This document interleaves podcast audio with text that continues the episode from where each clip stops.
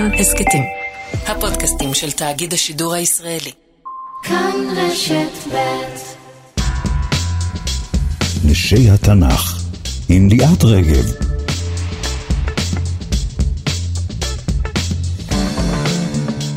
שלום לכולם, חג שמח. בשנים האחרונות אני עוברת מסע מחודש בשבילי התנ"ך, יחד עם עמותת 929 והרב בני לאו. בשבילים של התנ"ך אני פוגשת לא מעט נשים, מתבוננת על חיים אלפי אלפי שנים אחורה, נשים כמעט מחוסרות זכויות, שלמדו לקחת עוצמה לידיים בדרכים המועטות שהיו אפשריות להן. הן נזקקו להמון חוכמה, הנשים החזקות שבתנ"ך, לחוכמה, לתבונה, לחן, לנשיאת חן, בתוך עולם גברי לחלוטין, בשליטה גברית מוחלטת.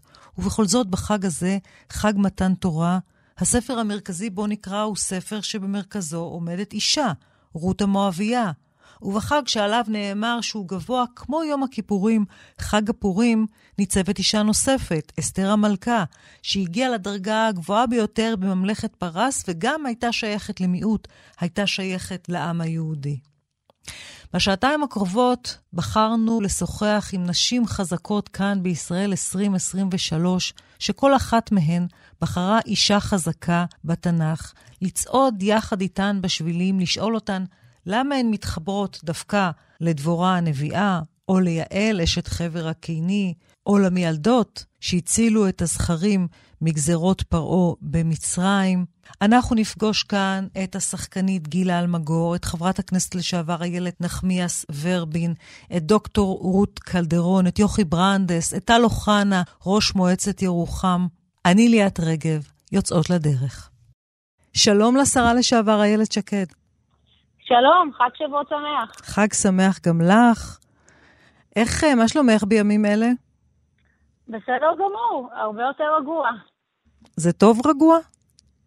כן, זה טוב, את יודעת, לכל סיטואציה יש יתרונות, אז uh, אני חושבת שכמה שנים uh, רגועות יותר uh, זה, זה דבר נהדר. יש, יש לי זמן יותר למשפחה, לחברים, לעצמי, זה לא רע. יש לך זמן גם להכין עוגות גבינה בשבועות? כן, בוודאי, אני מאוד אוהבת להפות ולבשל. אז עכשיו יש לי יותר זמן, וזה כיף גדול. האמת שאני עוקבת באינסטגרם, ו- ואני רואה אותך מכינה חלות שבת מדי פעם. נכון, חל- חלות זה הספציאליטה שלי. ויש עוגת גבינה ספציפית שאת מכינה? Uh, כן, האמת שיש לי אחלה מתכון של uh, חמותי. אני באמת אעלה אותו לרשת. טוב, אנחנו מחכים. ואם אנחנו כבר בענייני חלב, אז אנחנו נשארות בענייני חלב, כי הגיבורה שאת בחרת היא גיבורה שהשתמשה בחלב חבל על הזמן.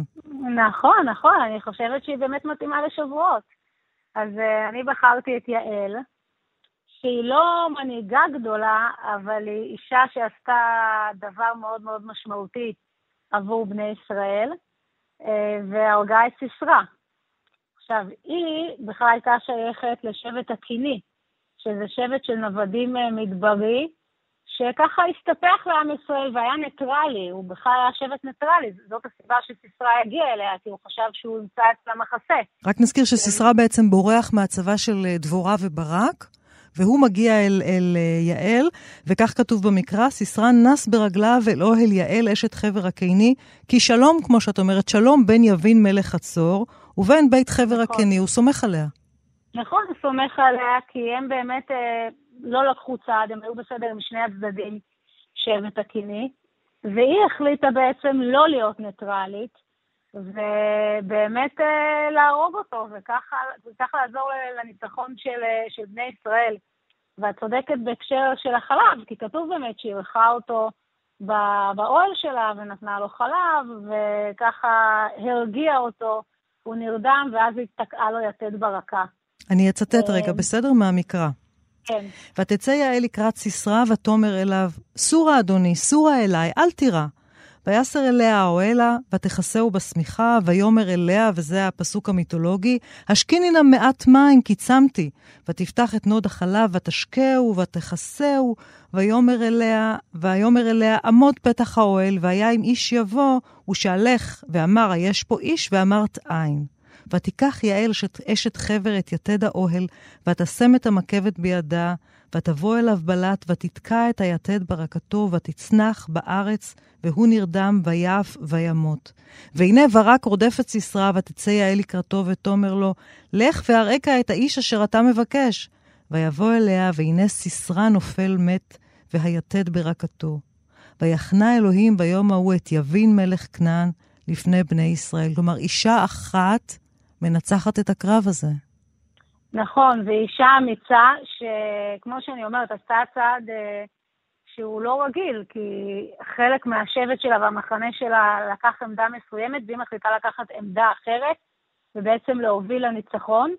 ויש כאן אה, כמובן סיפור של עוד אישה, של דבורה הנביאה, שהיא הייתה הנביאה והשופטת באותה תקופה, והיא אמרה לברק, כן, ופה יש עוד נקודה מעניינת, תכף אני רוצה לצטט את מה שהיא אמרה לברק, ואחר כך לדבר על שניהם. הלוך אלך עמך אפס, כי לא תהיה תפארתך על הדרך אשר אתה הולך, כי ביד אישה ימכור אדוני את סיסרא. זאת אומרת, היא אמרה לברק שהוא לא יהיה זה שיביא את הניצחון הגדול, אלא אישה תביא את הניצחון הגדול. וכשחושבים על הסיפור הזה של יעל, איזה גיבורה היא הייתה, ואיך היא באמת החליטה לקשור את גורלה עם, בעצם עם, עם עם ישראל, למרות שהיא הייתה בכלל משבט נוודים מדברי, סוג של שבט בדואי מאותה תקופה, אז גם דבורה וברק, אני חשבתי על זה כאישה, שכשמספרים על נביאים, אז בדרך כלל הנביא היה גם המצביא. Mm-hmm. אבל כשמדברים על דבורה, שהייתה נביאה ושופטת, בדרך כלל, סליחה, השופט היה גם המצביא. כשמדברים על דבורה השופטת והנביאה, היא לא הייתה המצביעה, היא הייתה צריכה גבר, את ברק, שייקח את התפקיד הזה. וזה קצת חבל. אבל זאת המציאות. תשמעי, הדרך שלך אל היהדות ואל התפיסה היהודית ואל תפיסת ארץ ישראל שלך היא דרך מאוד מאוד מרתקת. איזה מקום תופס התנ"ך בחיים שלך? תראי, התנ"ך בחיים שלי תופס ותפס מקום מאוד מרכזי, כי אמי, זיכרונה לברכה, הייתה מורה לתנ"ך. ואני בתור ילדה ונערה הייתי יושבת בבית, קודם כל הייתי פחות או יותר היחידה מהכיתה שהייתה עושה שיעורים בתנ"ך, כולם היו, מעתיקים ממני. והיא הייתה אה, פשוט יושבת איתי ומספרת לי את הסיפורים ומלמדת אותי, ו... זה היה מאוד מאוד נוכח בבית, אז מעבר כמובן לערך הדתי וההיסטורי של הספר הזה, אז בעיניי יש לו גם ערך ככה רגשי וסנטימנטלי. אני נפטרה כשהייתי יחסית צעירה, אה, בגיל 23, והיא באמת, אה, הדמות שלה אה, קשורה בעבותות אצלי לסיפורי התנ"ך. וזה גם מה שהוביל אותך אחר כך גם באידיאולוגיה שלך ובדרך הפוליטית שלך? כלומר, התנ"ך וסיפורי האבות היו שם תמיד מבחינתך? הם היו שם תמיד. דרך אגב, להרבה מאוד מנהיגים אה, של מדינת ישראל, בלי קשר בכלל למיקום הפוליטי שלהם, התנ"ך היה אה, מאוד מאוד חשוב. את יודעת, בן גוריון כמובן, זו הדוגמה הכי טובה שיש. איזה חשיבות גדולה הוא לתנ"ך ולסיפורי התנ"ך.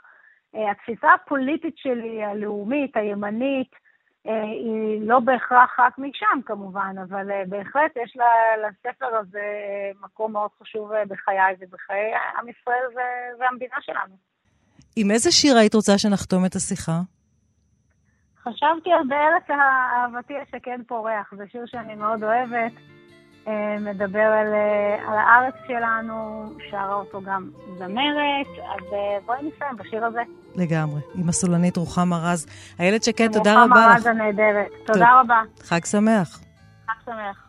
בארץ אהבתי השקד פורח, בארץ אהבתי מחכים לאורח.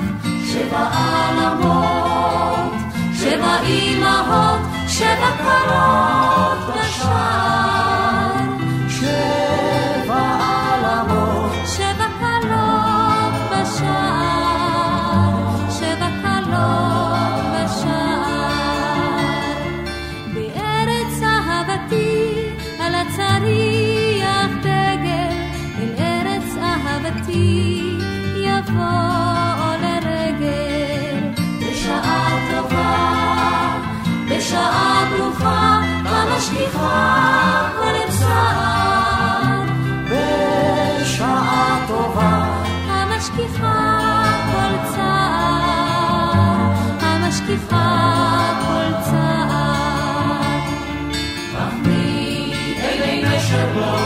ועירנו, ומי לחכם לו ויכירנו.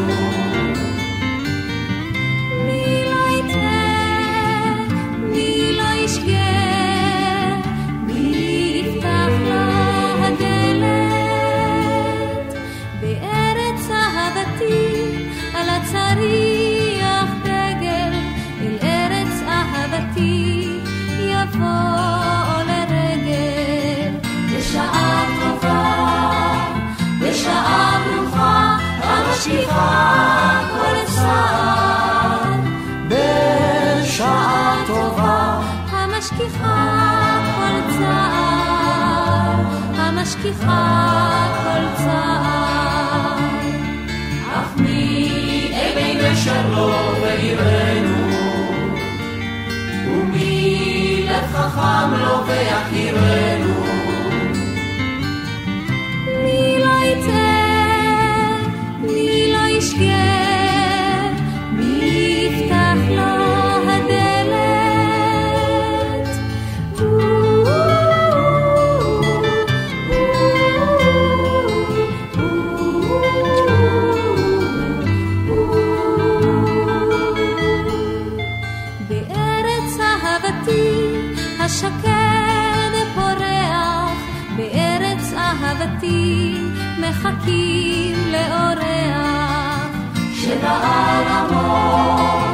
שבע קלות בשער. שבע עלמות, שבע קלות בשער. שבע קלות בשער. ויאמר מלך מצרים למיילדות העבריות, אשר שם האחת שפרה ושם השנית פועה. ויאמר, בילדכן את העבריות וראיתן על האובניים, אם בן הוא, והמיתן אותו, ואם בת היא, וחיה. ותראנה המילדות את האלוהים, ולא עשו כאשר דיבר עליהן מלך מצרים, ותחיינה את הילדים.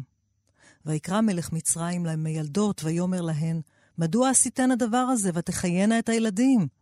ותאמרנה המילדות אל פרעה, כי לא כנשים המצריות העבריות, כי חיות הנה, בטרם תבוא עליהן המיילדת, וילדו. ויתב אלוהים למיילדות, ויהי רב העם, ויעצמו מאוד. ויהי כי יראו המיילדות את האלוהים, ויעש להם בתים. שלום לסופרת שפרה קורנפלד. היי, וואו, אמ, איזה מעניין לשמוע את זה עכשיו אה, אה, מהטקסט, כי לא זכרתי את הסוף. לא זכרת את אה, הסוף? ויעש להן בתים, שזה התגמול שלהן, של המיילדות. לגמרי, זה מאוד רלוונטי לגבייך. נכון. כי את, את בחרת באופן מאוד מפתיע באחת מהמיילדות, בראשונה, בשפרה. בשפרה, כן, מאוד מפתיע. אמ, אני אה, מסתובבת עם השם הזה במרחב הישראלי, ממש, אה, זה, זה, זה תיק, זה היה תיק הרבה שנים. למה תיק? כי שיפרה זה בדרך כלל שם של, אה, של פרה בקיבוץ, או של, של דודה אה, מאוד אהובה, אבל גם מאוד מבוגרת. אה, זה לא, לא שם מאוד שגרתי לנשים בגילי ובכלל. אבל למדתי לאהוב אותו, והחיבור שלי אליו מגיע באמת מה, מהדמות של המיילדת, שיש בה משהו כל כך חכם במרדנות שלה. כי היא מבינה שהיא נטולת כוח מול, מול המלך, מול פרעה, שהוא, אה, כמו ששמענו עכשיו, אה, שולח אותה אה, להשליך את כל הזכרים לאור.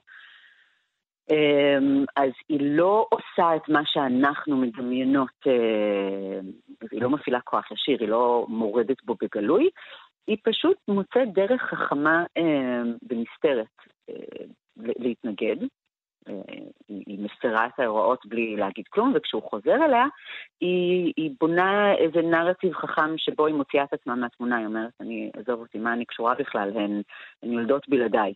אמ, אני לא, אני לא בסיפור. Mm-hmm. ו, ואני מרגישה שזה, נניח כשהייתי בצבא, זה סוג, סוג ההתנגדות ש, שכחיילת את יכולה לה, להפעיל מול אה, לא יודעת, אה, אה, מפקד או, או הנחיה שאת מבינה עליה שהיא לא מספיק מדויקת, את, את אומרת כן, כן, ואת עושה את מה שאת מבינה, נכון? זה, יש, במקומות היררכיים את לא תמיד יכולה להתנגד. ואני מרגישה שבתנ"ך בכלל, לנשים בדרך כלל יש את הכוח העקיף, הסמוי, הן לא יכולות להפעיל כוח ישיר. אני מאחלת לנו, ואני מאוד משתדלת בחיים שלי, להפעיל כוח ישיר וגלוי, ולא את הכוח ג'ודו. למה ש... בעצם? למה, למה לא להישאר עם הכוח המתוחכם הנסתר? זה, זה כוח של, של הנטולי כוח. זה הכוח ש, שאת מפעילה כש, כשאת מבינה שהמערכת מקוילת נגדך, את לא בצורה ש, שהמערכת מזהה ככוח. את uh, בעמדת נחיתות, uh, אם תתנגדי בגלוי המחיר יהיה גבוה מדי, את, וההתנגדות הגלויה אה, תזיק למטרה שלך, אז את מוצאת איזה דרך סודית לעשות את זה.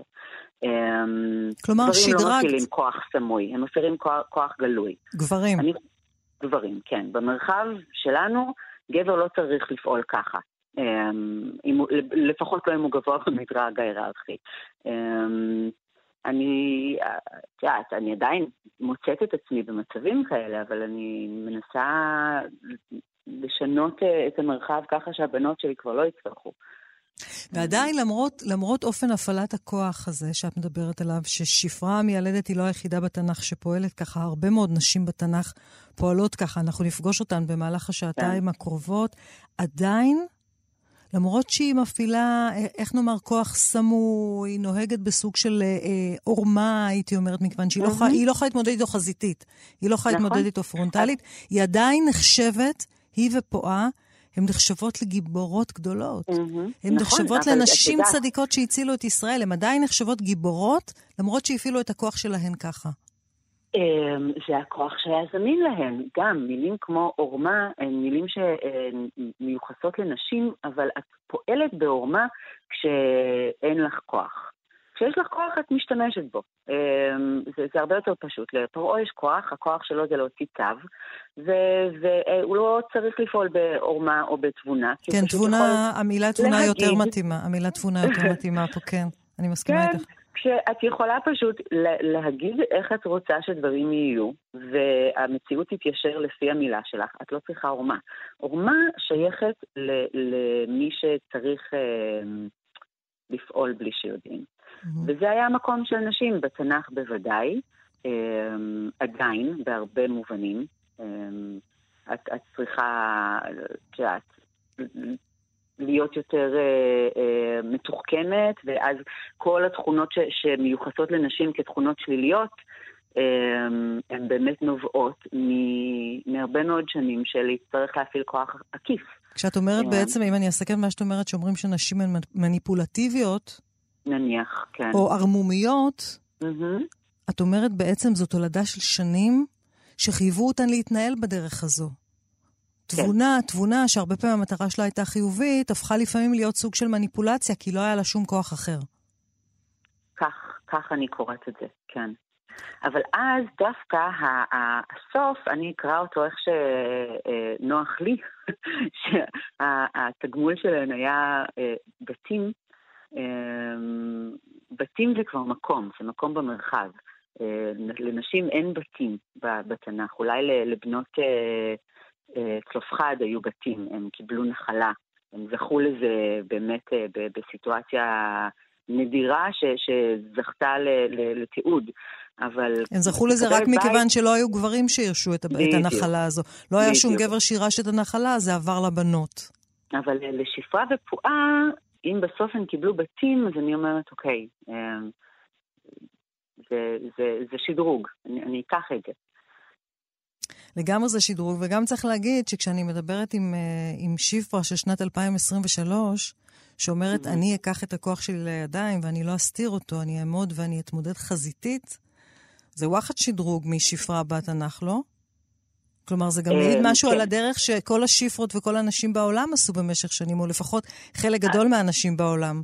אני מרגישה את זה, אני מרגישה שאנחנו בעשור האחרון ובמאה האחרונה, והיכולת אה, לצאת למרחב ולומר את הדברים כפי שהם, לא לפעול, את יודעת, בדרכים מתוחכמות, אפילו במיטו. הישירות של פשוט להדליק את הפנס ולומר, הנה המצב, הוא, הוא לא טוב, בואו נשנה אותו, זאת צורה, זה הפעלת כוח ישיר, זה פשוט. זה לאור יום, זה לקרוא לדבר בשמו ולדרוש שינוי. אמ, ואני בהחלט מרגישה שאנחנו צועדות אה, בכיוון הנכון. איזה שיר בחרת? בחרתי, תראי איך הכל אה, אה, מתאסף יפה, את, אה, את סוף סוף באמת של דניאל רובין. ואם אה, תאזינו עכשיו למילים היפהפיות של השיר הנפלא הזה, תראו שהיא ממש מדברת על מה שדיברנו עליו, וזה לא יצא בכוונה. שברה קורנפלד, אני מאוד מודה לך, יקירתי. תודה רבה, תודה חג לך. שמח. חג שמח. סוף סוף באמת יש לי איש שאוהב אותי, יש לי פסנתר. ההורים שלי בריאים, תודה לאל.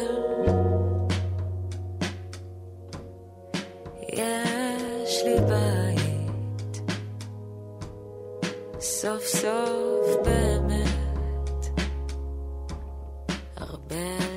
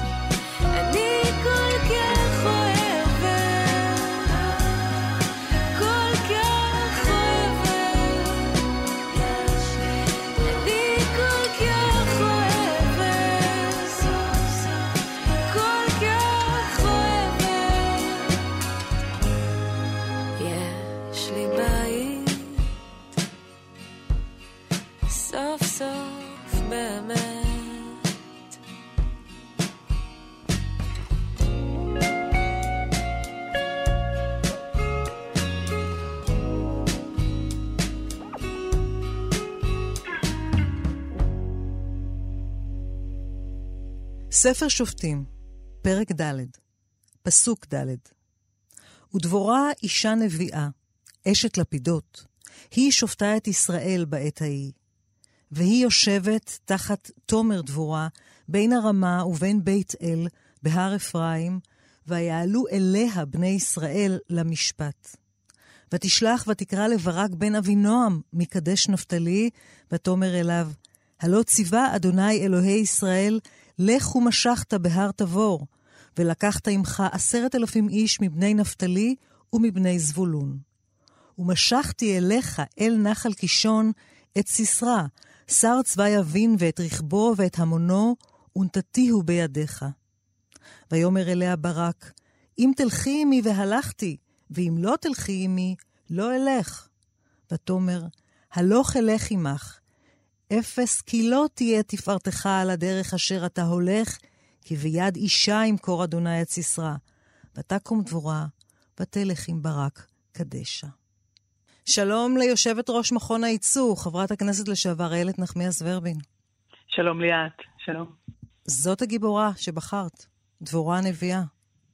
דבורה הנביאה מלווה אותי במידה מסוימת כל החיים. אני חושבת שבשיחות שלך ולי כבר היה כאוהבות תנ"ך אה, ידועות בינינו לבין עצמנו, את יודעת, זה מין חבורה כזאת מסוגרת של נשים אה, חילוניות, כאילו, את יודעת, אבל החיבור שלנו לתנ"ך הוא מאוד מאוד חזק. ואימא שלי, נחמה, הייתה מכריחה אותי, היום אני אומרת מכריחה, היום, היום אני נורא שמחה על זה, ללמוד פסוקי מפתח. כל חיי אני יודעת את שירת הים בעל פה ואת שירת דבורה בעל פה, ובדבורה יש משהו עוצמתי בצורה לא רגילה, והיא באמת דמות תנכית יוצאת דופן ביותר ממובן אחד. למה יוצאת דופן? קודם כל, היא למעשה האישה היחידה שמובילה את ישראל למלחמה. למלחמת הגנה, כמובן, כנגד אה, יבין מלך חצור, אבל היא, היא מובילה את המלחמה, היא מחליטה עליה. את יודעת, אנחנו הרבה מאוד שנים נאבקות על המקום שלנו בשולחן קבלת ההחלטות, בוודאי בנושאים מדיניים וביטחוניים. זה לאט לאט משתנה, וזה משתנה מאוד לאט. והנה, כשאנחנו חוזרים למקורות שלנו, אנחנו רואים שבעצם הייתה שם תמיד, מאז ומעולם, את דבורה. ודבורה, בחוכמתה הרבה, היא מדברת משהו, זה, זה, בעצם לחשוב מתי התנ"ך נכתב זה דבר מדהים. כי לא רק שהיא מובילה את עם ישראל למלחמה, שהוא גם מנצח בה, אלא שהיא גם אחת היחידות שמדברת על היותה אימא. זאת אומרת שדבורה היא אשת הקריירה שלנו בתנ"ך, שגם בעלת משפחה. רק נזכיר שכשהיא מדברת על עצמה כאימא, בשירת דבורה שהזכרת קודם לכן. נכון. כשהיא מדברת נכון. על שירת דבורה, רגע אחרי הניצחון הגדול על יבין מלך חצור, שנעשה על ידי אישה אחרת, נזכיר, על ידי יעל אשת חבר הקיני, ש- שקרתה נכון. את ראשו של סיסרא, אנחנו נדבר גם עליה בהמשך. היא פורצת באמת בשירת דבורה ומהללת את היכולת הנשית, והיא לא מפרידה בין אישה גיבורה לבין אימהות. היא מחברת את שני האלמנטים האלה ביחד. ממש. זה ממש ממש צמרמורת, כי תראי, גם, את יודעת, אנחנו אה, בחג השבועות, ו- ואנחנו מדברות על רות, ורות זה גם, רות היא בעצם משפחה, זאת אומרת, אה, אה, אה, האירוע הזה, המשפחתי הזה, הוא דבר די מדהים. אבל מה שאולי הכי קשה לי, מעבר לזה ששירת דבורה באמת, היא מדברת גם על היותה אימא, אני חושבת... בפסוק הבא, רק נצטט את הפסוק כן. משירת דבורה, היא, היא ממש אומרת את זה ככה. הכל קרה וקרה והייתה הידרדרות וכולי, עד שקמתי דבורה, שקמתי אם בישראל. כן, היא הייתה. יכולה להגיד, עד שקמתי דבורה, קמתי שופטת, עד שקמתי דבורה, קמתי מנהיגה, קמתי מצביעה, נכון. כי היא עושה את כל הדברים האלה. לא. היא מגדירה את עצמה, כשהיא מתארת את עצמה, לא כשהתנ"ך מתאר אותה, כשהיא מתארת את עצמה בשירת דבורה, היא אומרת, עד שקמתי דבורה, שקמתי אם בישראל. זאת נכון. ההגדרה העצמית שלה. ממש, ואני, את יודעת, אני אומרת לעצמי, כיוון שאנחנו אף פעם, את יודעת, את הבנות שלנו, וגם את הבנים, אני חושבת, את יודעת, אנחנו לומדים על כל הגברים בתנ"ך, סליחה, כל הגברים הגיבורים, ואנחנו נורא ממעטים ללמוד על, ה, על הנשים המדהימות האלה. את יודעת, הרי את אה, שירת דבורה שרים במקביל לפ, בפרשת בשלח, כששרים גם את אה, שירת הים, וגם שם יש נשים מדהימות, את מרים ואת יוכבד, ובסופו של דבר אנחנו לא מקדישים לתפקידים הרבים שהן מילאו, בעצם לא מקדישים להם בכלל תשומת לב, אם כבר לומדים תנ"ך, ולצערי לא לומדים לטעמי מספיק תנ"ך. אה, אני, אני אומרת הפוך כנראה ממה שרגילים לשמוע מאנשים שצמחו לכאורה בתוך המחנה שלי, אבל אני חושבת שזה מה שמהדק אותנו, זה מה שאני מסבירה הרבה פעמים לילדים. זה מהדק אותנו למקום הזה, סיפורי התנ"ך, ועל דבורה, אני ממש, יש לי דפיקות לב, כשאת הקראת את הפסוקים, ממש היה לי דפיקות לב, אפילו הייתה לי צמרמורת, כי יש משהו כל כך מסעיר בדמות שלה, ותשימי לב, יש, אפילו שירת דבורה היא לא, היא לא מוגזמת, את יודעת, אני חושבת ששירת הים היא קצת יותר אה, מבחינת התפילות לה- וההודיה לאדוני, יש בה משהו מאוד מעורר, אצלי לפחות, מאוד מעורר אמון אצל אה, דבורה כנביאה. צריך להגיד, הנביאים הם היו המנהיגים, כלומר, הם היו, הם היו האוטוריטה, הם, דבר אלוהים היה עובר דרכם. ויש בה משהו כל כך מעורר אמון בדמות הזאת של דבורה, שאני ממש, את יודעת, אני, אני, כששאלו אותי על מי את רוצה לדבר, אז אני הרבה פעמים מחפשת דווקא דמויות שאני כאילו פחות מכירה מהתנ"ך, כי זאת הזדמנות בשבילי להעמיק mm-hmm. על דמות אחרת שלא הכרתי. אבל היה לי ברור שאני חייבת על דבורה. כי אנחנו בימים שבהם חסרה מנהיגות נשית, בטח בישראל, חסרה מנהיגות נשית שמעוררת אמון, שמייצרת את החיבור, זאת שבמידה מסוימת גם יכולה לחבר את הקרעים. ובעיניי, אנחנו צריכות איזו דבורה מודרנית שיודעת לעשות את הדבר הזה, כי אנחנו זקוקים לה. נו, איילת, תחזרי לכנסת. תראי, כמו שאני נוהגת לומר לאנשים, אני פוליטיקאית, לא יצאתי מהפוליטיקה, יצאתי מהכנסת. זה לא אותו דבר, אבל אני אומרת גם בהסתכלות שלי על עצמי, גם בחשבון נפש שאני עושה לעצמי, כי אני פוליטיקאית, שמאוד, אגב, זה, את יודעת, הרבה פעמים אני חושבת שזה מה שמבדיל בין פוליטיקאים לפוליטיקאיות. אני מאוד מאוד עסוקה בלבדוק את עצמי, בהאם אני הייתי בסדר ולא הייתי בסדר, דברים יותר נוטים לזרום עם מה שהם ההחלטות שהם מקבלים ועושים, לטוב ולרע, זה, אני עושה את זה כהבחנה אובייקטיבית, לא כ- כביקורת, לא באופן שיפוטי. אבל אני, את יודעת, אני חושבת שאני עושה את הדבר שאני יודעת לעשות הכי טוב, לחבר בין אנשים, אני עושה כל הזמן. אני, אני מסכימה לגמרי, מניסיון. אני רוצה כן, רגע, כן, כן, לגמרי מניסיון. בואי נזכיר רק שבספר שופטים, הם כמעט כולם שם גברים. נכון. וכשאנחנו אומרים שופטים, זה לא שופטים במובן המודרני, השופטים היו מנהיגי העם. שם בכלל אין הפרדת רשויות בספר שופטים, כן, דבורה, בוא נזכיר, כן. היא גם כן. שופטת את ישראל, היא גם מנהיגה את ישראל, היא גם מקבלת את ההחלטות הצבאיות, הכל מתערבב בתוך אישה. אחת, והיא מאוד מאוד בולטת ביכולות שלה בתוך ספר שופטים, גם בגלל היכולות האובייקטיביות וגם בגלל שהיא אישה. ואני רוצה אה, לשים לב יחד איתך לעוד דבר. היא שולחת את ברק, את שר נכון. הצבא, נכון. את הרמטכ"ל או שר הביטחון, להילחם בסיסרא, והיא אומרת, היא מתכננת... שהוא לא רוצה. נכון. שהוא לא רוצה. הוא מתנגד. הוא פוחד. הוא פוחד. ומה כן, הוא אומר לה, מה הוא אומר לה שהוא פוחד? הוא אומר לה, אם תלכי עמי והלכתי, נכון. ואם לא תלכי עמי, אני לא אלך. את יודעת, אני אומרת שזה לא רק פחד, אני אומרת שזה כבר עניין של האחריותיות. את יודעת, ה-accountability לעם. כלומר, אם את מוציאה אותי, אם את שולחת אותי למלחמה, אז אחרייך. זאת אומרת, והיא, והיא אומרת, אתה אומר אחריי? אז אחריי. זאת אומרת, יש פה גם, גם באמת ברמת המנהיגות, יש פה, את יודעת, דווקא אני, אני מחבבת את ברק. עכשיו, אני בכלל מחבבת שרי צבא שלא ממהרים לצאת למלחמה. מלחמה זה דבר, זה דבר קשה. אבל יש בה כזה אומץ, כי היא בעצם מקבלת, וואי, צריך ללכת ולהילחם ביבין, ביבין מלך חצור, אין ברירה. והיא אומרת, אני אלך איתך. זאת אומרת, אני לוקחת את האחריות כי אני שלחתי אותך למלחמה. ובדבר הזה יש עוצמה כל כך גדולה. שוב, את יודעת, זה מדהים כמה אתה יכול להקיש כשאתה קורא את התנ"ך, אתה יכול להקיש לדברים שאתה רואה היום, של מידת האחריות שיש למנהיגים שלנו כשהם מסתכלים על האנשים, כשאנחנו, את יודעת, דואגים, את יודעת, מנהלים אה, אה, אה, לא מזמן אה, אה, קרב אה, בסביב, את יודעת, עוטף עזה מול עזה, מול הג'יהאד האיסלאמי, ואנחנו בעצם יודעים שיש שם ארבעה בנים שלנו שעדיין לא חזרו להורים שלהם. כלומר, מה מידת האחריות של המנהיגות כלפי העם שאותו הם מובילים? אגב, אני לא יודעת אם את שמת לב, שימי לב, יחסית לדבורה יש מעט מאוד אה, פרקים. את יודעת, אני הסתכלתי ככה, חזרתי, את יודעת ככה, בכלל להלעל בספר שופטים בזכות השיחה, שלנו שהתכוננתי אליה. היא, היא, את יודעת, לנשים באופן כללי, המקום שלהן בתנ"ך הוא יחסית מועט, וזה למרות, ולמרות זאת, יש להן המון המון עוצמה. כי הדמויות הנשיות, אני לא רוצה לקלקל כל האחרות, כי אני בטוחה שגם מישהי בחרה את אסתר ובחרו דמויות אחרות, אבל יש להן המון המון עוצמה, ובדבורה, את יודעת, דבורה אשת לפידות. זה לא סתם. יש משהו במילה הזאת שכל כך כל כך מעצים, והלוואי, הלוואי, הלוואי, שאנחנו נראה יותר נשים ליד שולחנות, שולחנות קבלת ההחלטות, שנראה יותר דבורות. איילת, עם איזה שיר היית רוצה שנחתום את השיחה? אז uh, אני בחרתי, uh, אחרי התלבטות בחרתי את השיר "אני אוהב אותך לאה" של צביקה פיק, שיר מופלא, בכלל יוצר מופלא. ואני מאוד מאוד אוהבת את, uh, בכלל את סיפור uh, רחל ולאה.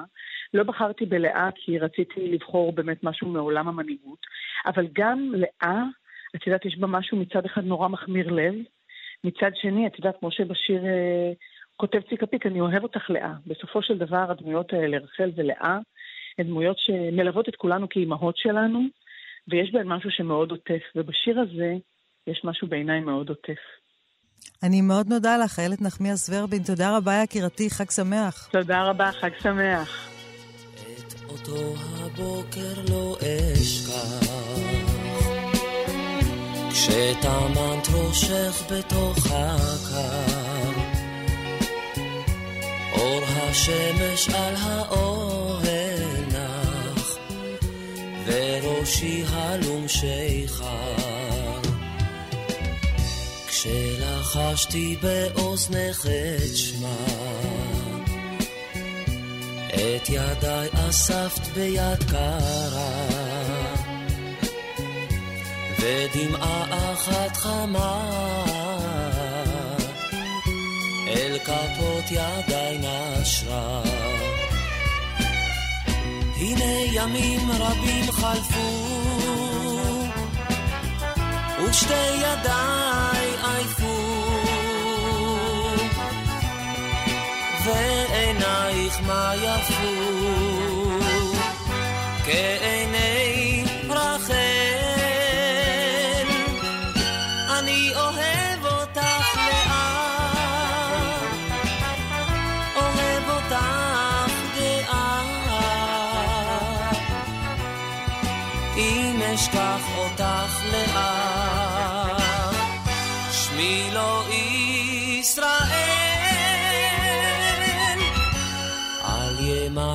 ליבך על אחותך,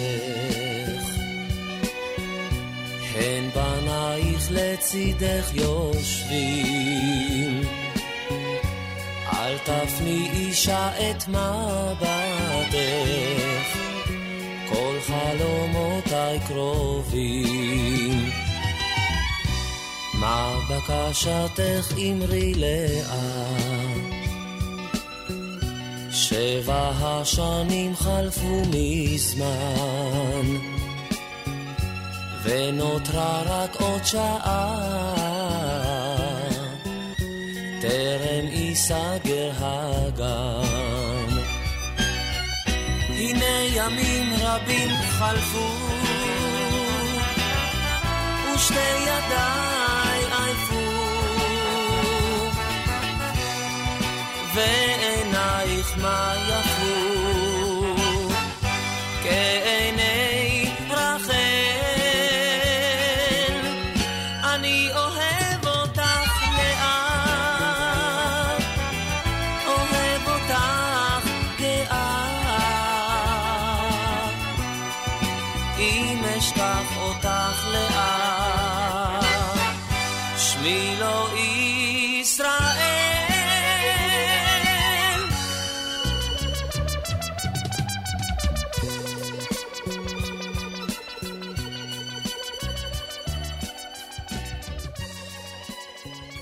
שמות, פרק א'. ויצב פרעה לכל עמו לאמור, כל הבן הילוד היאורה תשליכוהו, וכל הבת תחיון. וילך איש מבית לוי, ויקח את בת לוי, ותער האישה, ותלד בן, ותרא אותו כי טוב הוא, ותצפינהו שלושה ירחים. ולא יכלה עוד הצפינו, ותיקח לו תיבת גומה, ותחמרה בחימר ובזפת, ותשם בה את הילד, ותשם בסוף על שפת היאור. ותתצב אחותו מרחוק לדעה מה יעשה לו. ותרד בת פרעה לרחוץ על היאור, ונערותיה הולכות על יד היאור, ותרא את התיבה בתוך הסוף, ותשלח את המטה, ותיקחיה, ותפתח, ותראהו את הילד, והנה נער בוכה, ותחמול עליו, ותאמר, מילדי העברים זה. ותאמר אחותו אל בת פרעה, האלך וקראתי לך אישה מינקת מן העבריות, ותינק לך את הילד. ותאמר לבת פרעה, לכי. ותלך העלמה, ותקרא את אם הילד. ותאמר לבת פרעה, הליכי, את הילד הזה והניקיהו לי, ואני אתן לך את שכרך. ותיקח האישה הילד, ותניקהו, ויגדל הילד, ותביאהו לבת פרעה, ויהי לה לבן, ותקרא שמו משה, ותאמר, כי מן המים משיתהו. שלום, דוקטור רות קלדרון. שלום, שלום ליאת, כמה יפה את קוראת. תודה ואני, רבה. גילוי נאות, לאימא שלי קראו מש... מרים, זיכרונה לברכה, ולאבי קראו משה, זיכרונו לברכה. זה את ממש סיפור משפחתי. לגמרי, אז את לגמרי נטועה בתוך הסיפור, ורק נזכיר שאת גם נטועה בעלמא בית לתרבות עברית ובמכון מנדל למנהיגות. נכון. והגיבורה שלך היא זאת שעדיין אין לה שם בכלל בחלק הזה של הספר. קוראים לה רק אחותו. אבל נכון. בהמשך אנחנו נגלה ששמה מרים. נכון, ומרים במצרית עתיקה פירושו אהובה, ובמילונים קוראים לה מרים כי היא המרי של הים, the rebel of the sea, ההתקוממות של המים התחתונים, המים הנקביים. הרי לפי הקבלה, בהפרדה בין מים למים, בין שמיים לים, השמיים הם המים העליונים שיורדים בגשם, ומי התהום הם המים התחתונים שעולים בבארות. ואנחנו נגיע לזה שלמרים הייתה באר שהתגלגלה איתה, ובזכותה היה לבני ישראל מים לשתות כל ימי הנדודים, ואומרים שבארה של מרים היום נמצא בתוך הכנרת, שהיא באר מתגלגלת, איזה רעיון מדהים. ופה, אבל פה היא עוד קטנה. גם פה, כן. אגב, היא קשורה במים. כי היא עומדת על שפת נכון. היאור, והיא שומרת על אח שלה, והיא מנהלת, היא, היא נערה צעירה, ילדה אולי אפילו. ילדה שאומרים שהיא, שהיא בת שבע כבר אמרה להורים שלה שאת הנבואה הזאת, שמשה יהיה הגואל, והיא מייצרת את הקואליציה הראשונה של שלוש נשים שפועלות להצלת חיים, לדבר החשוב ביותר בעולם, שהילד יחיה, לעומת הגברים, פרעה ומשה, והחרטומים, שבינתיים. אה, מתחרים למי יש את הנחש היותר גדול, ועושים אחד לשני מכות. ומתחת למלחמה על, על, על השטח, מתחת לפני השטח, עומדות שלוש הנשים האלה, מימים שונים, בת פרעה שקוראים לה במסורת בתיה, ומרים ויוכבד אימא שלה, ומצילות את הילד הקטן הזה. מה... מהגזרה של פרעה. אני חושבת שזה סיפור נפלא על קואליציות ועל משהו שאפשר לומר שהוא מהותי לנשים, ליצור קואליציה ולא היררכיה. קצת קואליציה בין אימא שלך שקראו לה מרים לאימא שלי שקראו לה בתיה. קוראים לה בתיה. באמת? כן. אם אנחנו כבר נסחפות, אז גם לבת שלי קוראים מרים, ולוקח שנים רבות לה- להסכים עם השם הזה, אבל אני באמת חושבת שהוא שם מאוד עוצמתי, ולא לא מהשמות שהתקבלו כל כך בישראליות, וחבל, היא דמות ממש נהדרת. כן, היא לא זכתה לפופולריות כמו מיכל או תמר גם למשל. עניין, ה... גם עניין המרי, שהיא עומדת מול הגברים, והיא גם מול אבא שלה, הרי ההורים שלה, לפי הסיפור, אני מערבבת קצת מדרש, התגרשו בגלל הגזרה של, של פרעה. יוכבד "טוב, ועמרם התגרשו? כן, חיו בנפרד, כי הרי אי אפשר לעשות ילדים. והמדרש אומר ש...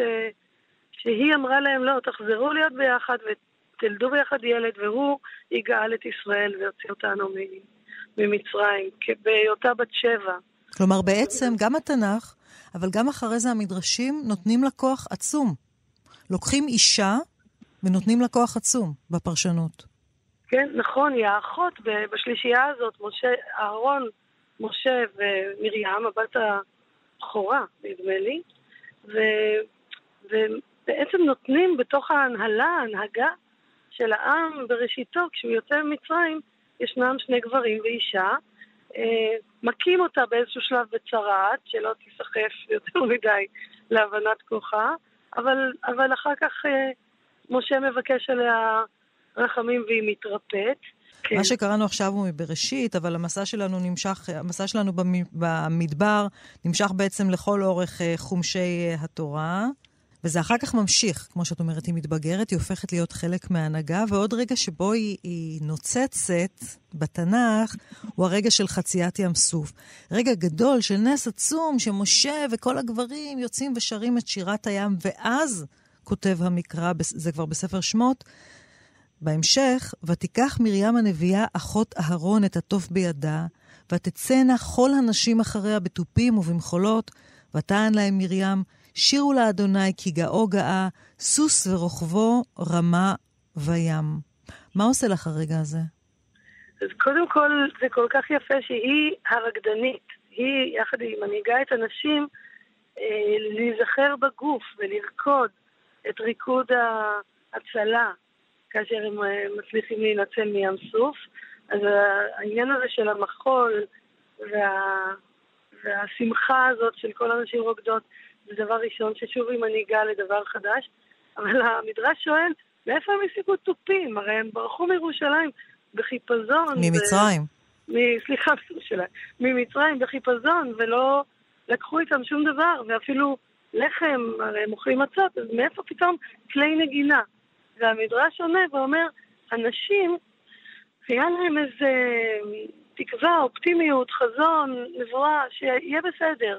והם לקחו כל אחת בסל הקטן שלקחו רק את הדברים ההכרחיים, לקחו תופים, לקחו כלי נגינה. וזה שוב מתחבר לאותו מדרש אחר שכאשר פרעה גזר על, ה, על הילדים לזרוק אותם ליאור, אז הגברים היהודים הפסיקו לשכב עם נשותיהם והתרחקו מהם, כי חבל, יהיה ילד ויהרגו אותו.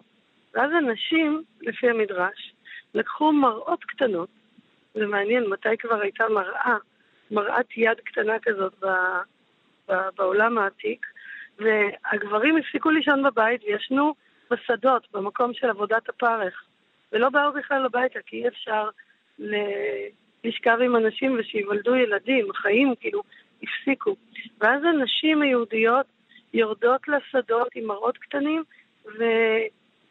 ומתחנחנות, מפתות, ומצליחות לפתות את הגברים שלהם, שוכבות איתם שמה בשדות ומצילות בעצם את ישראל. ואומרים, בזכות נשים צדקניות, אז הצדקנות של הנשים שהצילו את ישראל זה בעצם שהם לא הסכימו להפסיק לעשות אהבה ולעשות ילדים. ו... אז גם התופים והמחולות האלה זה מין אריזה של אופטימיות וסירוב למוות. רות, ממש ו- ו- ותשובה קצרה ברשותך לצערי, כי אנחנו מצטרפות כן, לסיום. כן, כן. נחזור ונסגור את המעגל הזה עם באר מרים, כן. שזה בעצם, כשמרים הולכת לעולמה, העם נשאר במחסור גדול מאוד, וזה ממחיש כמה היא הייתה חשובה בעולמם. נכון, מרים מתה מות נשיקה כמו אהרון, והמדרש מספר ש... בעצם כל המים, הם הרי אכלו מן, אבל מה הם שתו? שבזכות מרים היה לה באר מתגלגלת ניסית, שהתגלגלה איתם מתחנה לתחנה, והיא העלתה את המים העמוקים. את זוכרת שקוראים לה מרים, מרי הים, כאילו הים העמוק של מי התהום, אה, התגלגל יחד איתה, ועד היום הוא נמצא בליבה של הכנרת. דוקטור רות קלדרון, עם איזה שיר נחתום את השיחה שלנו על מרים mm. הנביאה? חשבתי אם אני משם, שמבצעת יהודית רביץ, גם כן סוג של מים תחתונים, שאנחנו שותים ממנה. מקסים. אני כל כך מודה לך על השיחה הזאת, תודה רבה. תודה רבה, ליה. תודה שאת מביאה חזרה את המקורות. חג שמח, יקירתי. חג שמח.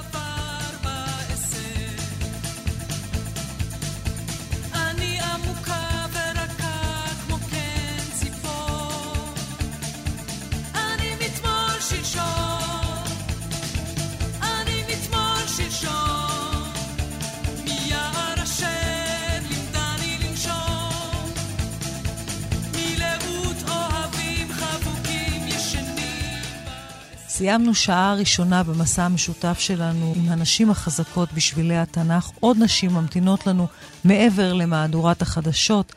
יולי דמארי אגסי ערכה את המשדר, הדס סיוון הפיקה, חיים זקן על הביצוע הטכני. אני ליאת רגב, נשוב אליכם ואליכן עוד מעט.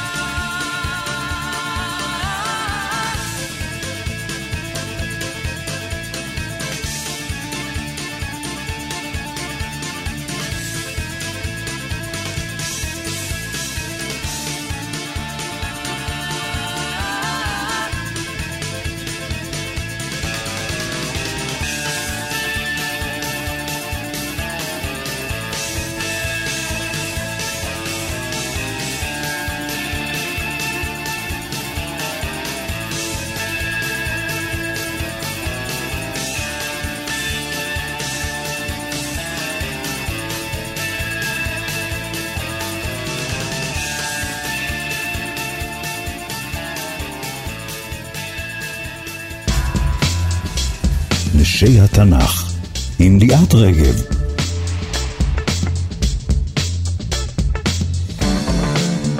בראשית, פרק כ"א וישכם אברהם בבוקר, ויקח לחם וחמת מים, ויתן אל הגר, שם על שכמה ואת הילד, וישלחיה, ותלך ותטע במדבר באר שבע.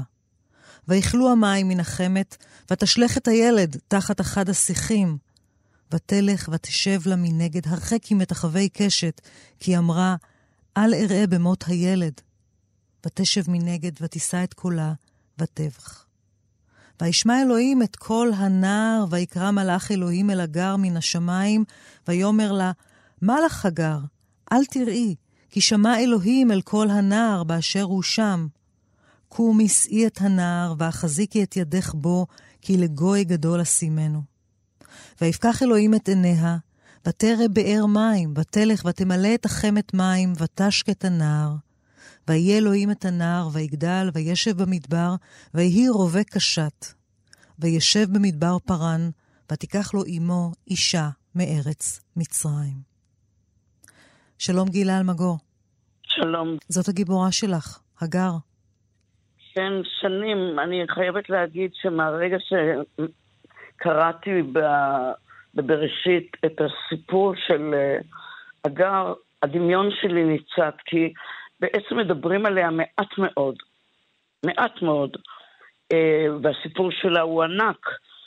אמה, שפחה, ששרה אה, מוסרת אותה לאברהם, כי שרה לא היו לה ילדים אז, היא אומרת, קח אותה ותהיה איתה ותעשה איתה והיא אכן אה, הרע לו, ונולד אה, ישמעאל, ואחר כך היא מסלקת אותה.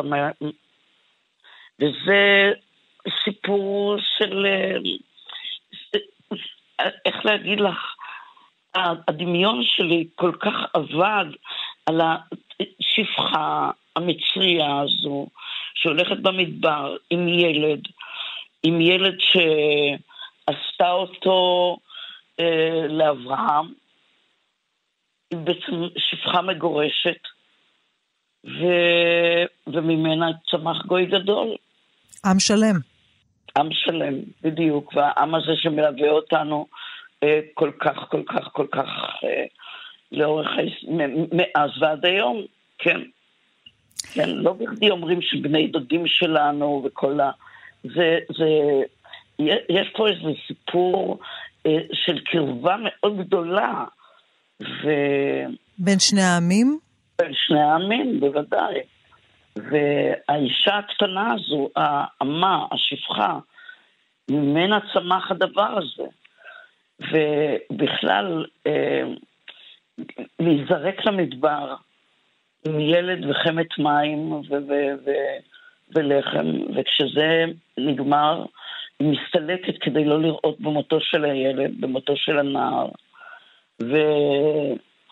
ומישהו שם למעלה שומע אותה ורואה אותה. דואג שיהיו מים ולחם, ואומר, אל תדאגי, יהיה גוי גדול גם משלך. זה, זה, זה, אני מודה שזה הפעיל את הדמיון לא רק שלי, גם של הרבה יוצרים, והרבה שירים נכתבו על הגר, ואני לביתי קראתי הגר. זהו, ש, ש, זה, זו החלטה גדולה לקרוא לבת שלך, היחידה, נכון, דווקא בשם נכון, הזה. נכון. ותראי, אני זוכרת ש... כשהחלטנו, יעקב אגמון, זכרו לברכה, ואני, שתהיה לנו בת, נקרא לה הגר. ועוד לא ידענו שתהיה לנו בת, וכשאכן הילדה באה לחיינו, היה ברור שזו תהיה הגר. וכשאני אומרת למישהו, לערבי, שיש לי בת ששמה אג'ר, העיניים שלו נפערות, ואומר, אג'ר, וואלה. כי יש משהו ב... גם הבת שלי שיש לה עיניים, אה, עיניים גדולות שחורות, וכשהיא הייתה ילדה קטנה היא הייתה איזה משהו, את יודעת, כמו איזה ילדת, אה, ילדת מדבר כזאת, עם טלטלים שחורים ועיניים ענקיות. וזה כל כך היה ברור לי שכשתהיה לי בת אני אקרא לה כך. כי זו דמות שאני התאהבתי בה. באמת ב... גילה, אה, אה, התאהבת? אה, את יכולת גם להרגיש או להזדהות באופן אישי עם התחושה הזו של הזרות, של החוסר שייכות שהגר חשה? שהגר, השפחה? כן, אבל לא בר... את, את, באופן שבו את גדלת, באופן שבו החיים שלך התנהלו, דיברת על זה לא, לא מעט. אני, אני לא הולכת כל כך רחוק, לא. החיים שלי התנהלו אה, ב... ב... ב... במשעולים הקשים שלהם. אני מדברת על תחושת זרות וחוסר שייכות. זה משהו שחווית? אה, אני חושבת שפה ושם כן. זה יותר אה, אי ידיעה מאשר אה, אני לא ידעתי מאבא שלי, אני לא ידעתי על אבא שלי, אודותיו, כלום. לא ידעתי דבר על אודות משפחתו. אז אה, היו לי הרבה מאוד, גם כילדה, היו לי הרבה מאוד שאלות שלא קיבלו מענה, ובעיקר שבתקופה אה, אה, שלאחר השואה, שידעתי שאבא שלי היה גרמני, יהודי גרמני, אבל גרמני וגם לא ידעתי אם הוא היה יהודי או לא, כי לא אמרו לי. ואחרי השואה חשבתי, אם לא אומרים לי מי היה אבא שלי, אולי אבא שלי היה גרמני רע. והדמיון של ילדה, אה, הדמיון באמת אה, אה, הטריד אותי. מה הוא היה, מי הוא היה, למה מסתירים ממני. לאט לאט גיליתי את פירורים פירורים. מי היה אבא שלי, ולאט לאט נרגעתי. זה לקח הרבה זמן.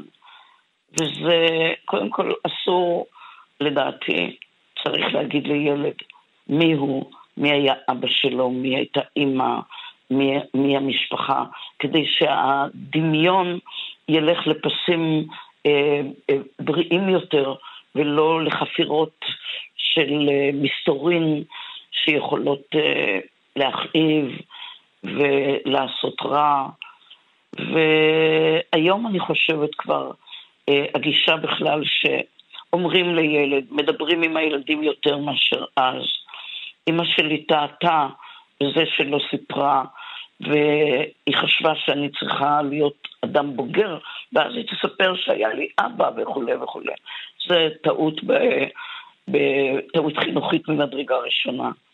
אבל אה, כשאני חושבת על הגר התנ"כית, אני לא יכולה להשתחרר מהדמות הזאת, המגורשת, אה, עם ילד על גבה, עם, עם חמת אה, מים, עם, עם, שהיא מסתתרת כדי...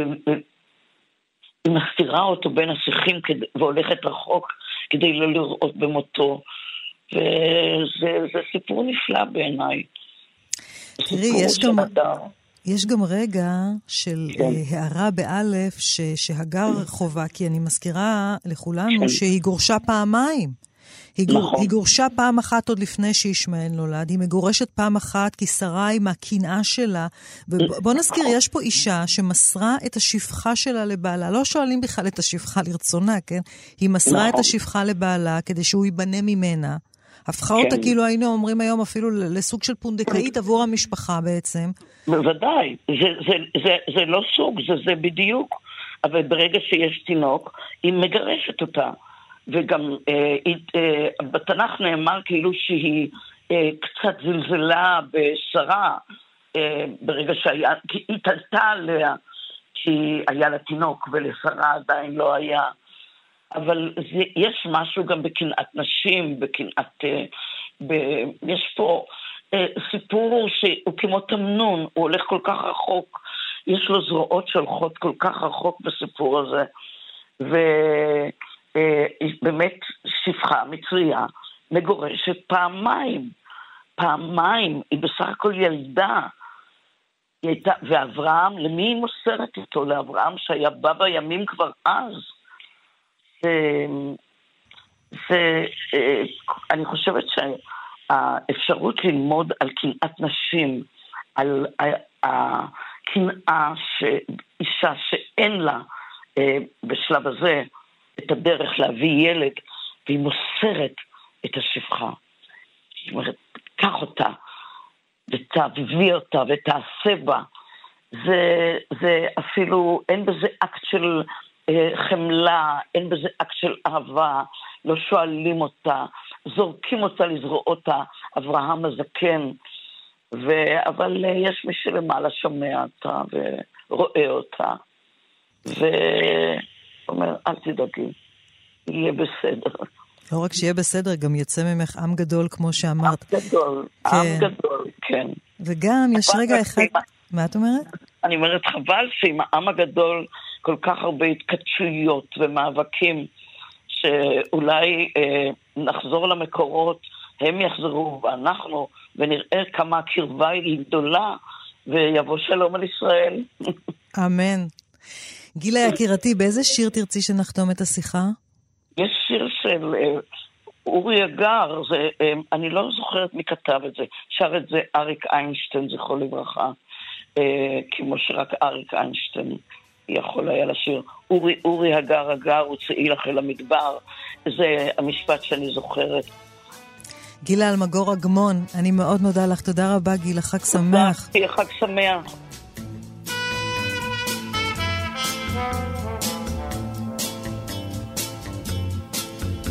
כשיצלצל בעיר הפעמון בקול אדיר עוד הוא ללכת השליכי את צרורך על גל ואת עינייך נמנעי מבכי. אמצי את יד ילדך יד ישמעאל, ושאי אותו עמך אל התבל.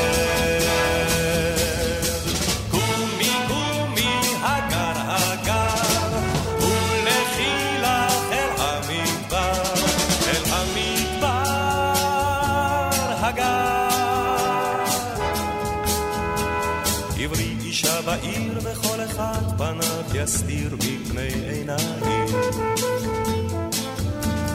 אמרי שלום ברכי הגר את מי אשר בעיר נשאר אחראי. אמצי את יד ילדך יד ישמעאל, ושאי אותו עמך אל התבל.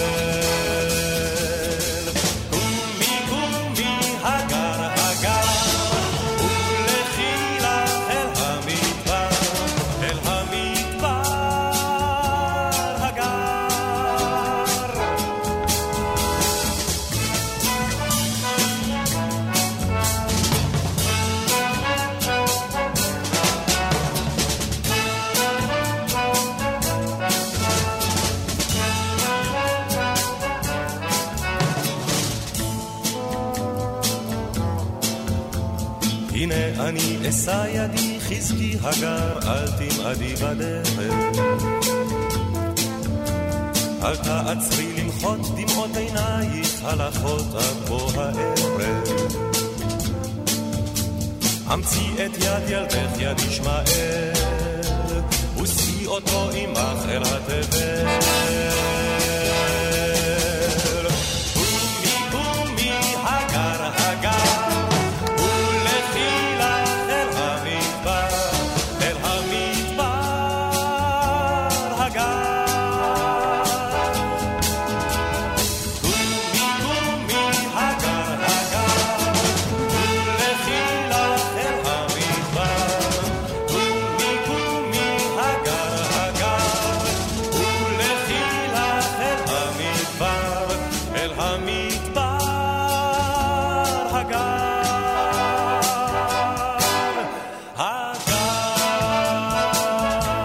מילים ולחן של רון חנוך.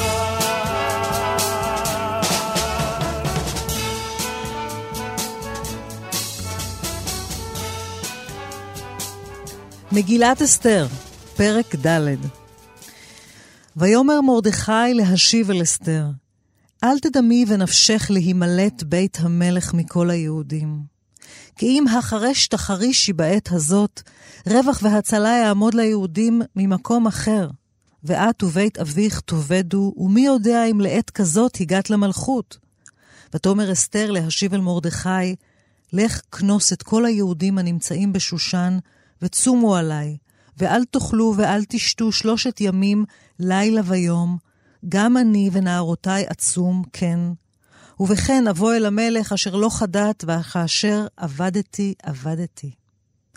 ויעבור מרדכי ויעש ככל אשר ציוותה עליו אסתר, ויהי ביום השלישי, ותלבש אסתר מלכות, ותעמוד בחצר בית המלך הפנימית נוכח בית המלך, והמלך יושב על כיסא מלכותו בבית המלכות, נוכח פתח הבית. ויהי כראות המלך את אסתר המלכה עומדת בחצר, נשאה חן בעיניו. ויושט המלך לאסתר את שרביט הזהב אשר בידו, ותקרב אסתר, ותיגע בראש השרביט. ויאמר לה המלך, מה לך אסתר המלכה? ומה בקשתך עד חצי המלכות, ויינתן לך. שלום לראש מועצת ירוחם, טל אוחנה. שלום, שלום. זאת הגיבורה שבחרת, אסתר המלכה. נכון, אה, בחרתי בה כי גם אני נולדתי אה, בי"ג באדר ב', אה, יום התענית, היום הגדול של אסתר. נולדת ביום תענית אסתר. נכון. טוב, אז אין לך אופציה אחרת, חוץ מאשר לבחור בה. האמת שהסיבה העיקרית אה, עוד יותר היא שככל שגדלתי והעמקתי בדמות שלה, כך אה, למדתי על העומקים המאוד גדולים, על ההשראה הזאת שהיא בחיי, המקום הזה של להיוולד למציאות שלא ניתבת ולא תכננת ולא חלמת אפילו לעסוק במשימה למען מישהו אחר, אה, והדבר הזה בן לילה נוחת עליך. אתה בוחר בו, אה, ואתה יודע שזה שלך, ושלעת הזו הגעת למלכות, כי אתה מלא בביטחון, ואתה מלא בנחישות, וכל החששות, באופן לא הגיוני ולא רציונלי, אה, נעלמים. אה, וזו תחושה של חיבור מאוד גדול לסיפור רב-דורי, למשהו שהוא גדול ממך. לשליחות. אז אני זוכה לזה. כן, זו כאילו מילה גדולה, אבל בסוף הביטוי לה הוא יום-יום, שעה-שעה, לעשות משהו טוב למען מישהו אחר.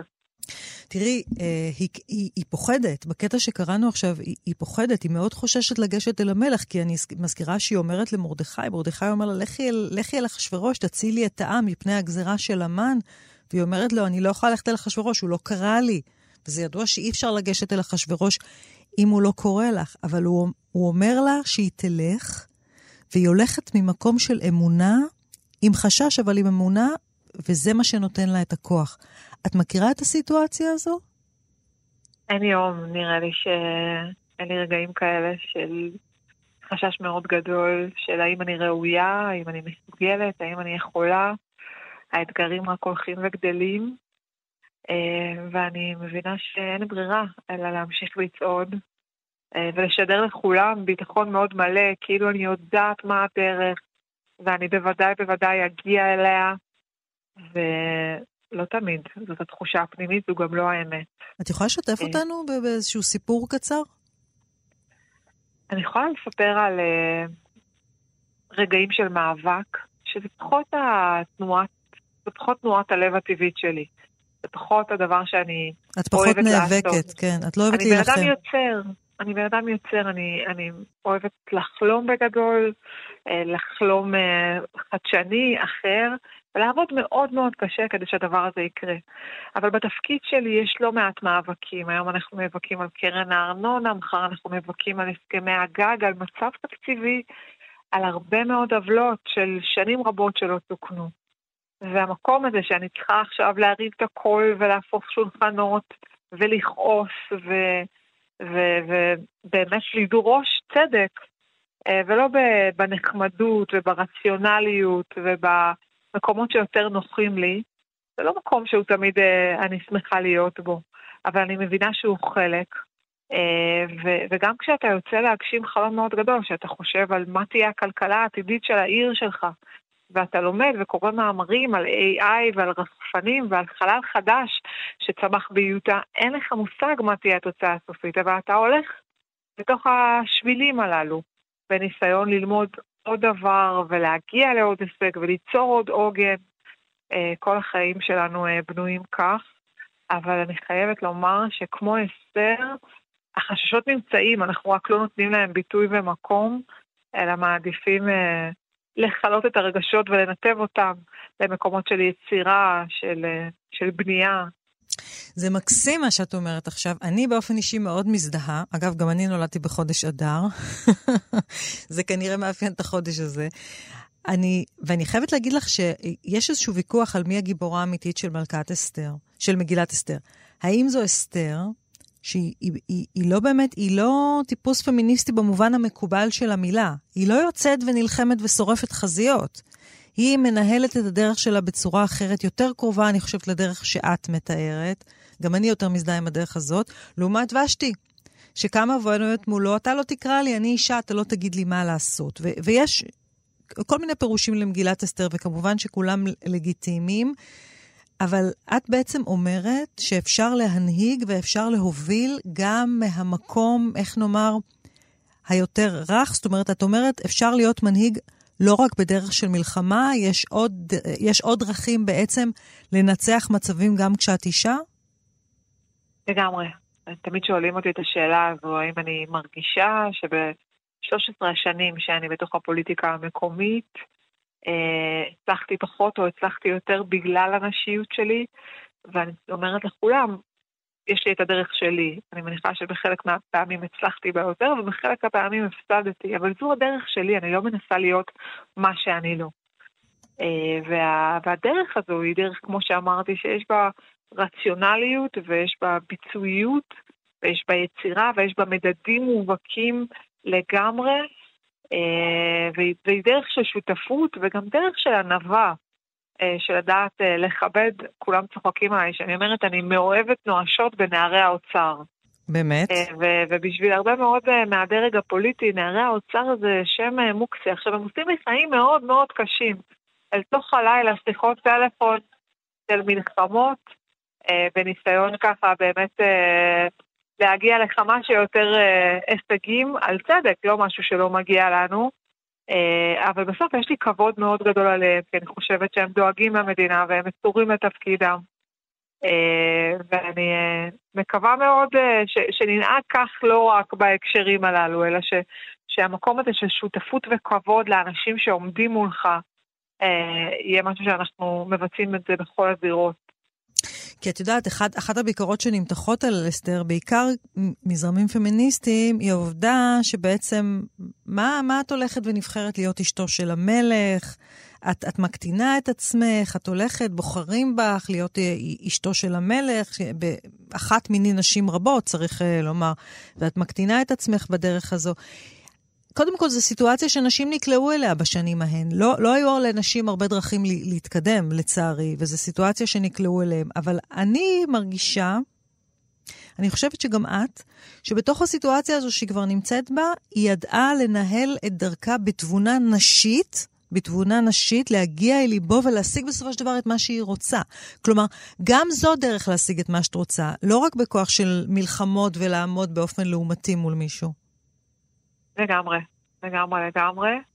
אני חושבת שבסוף מהות הפמיניזם זה להגשים את כל מה שאתה רוצה להיות.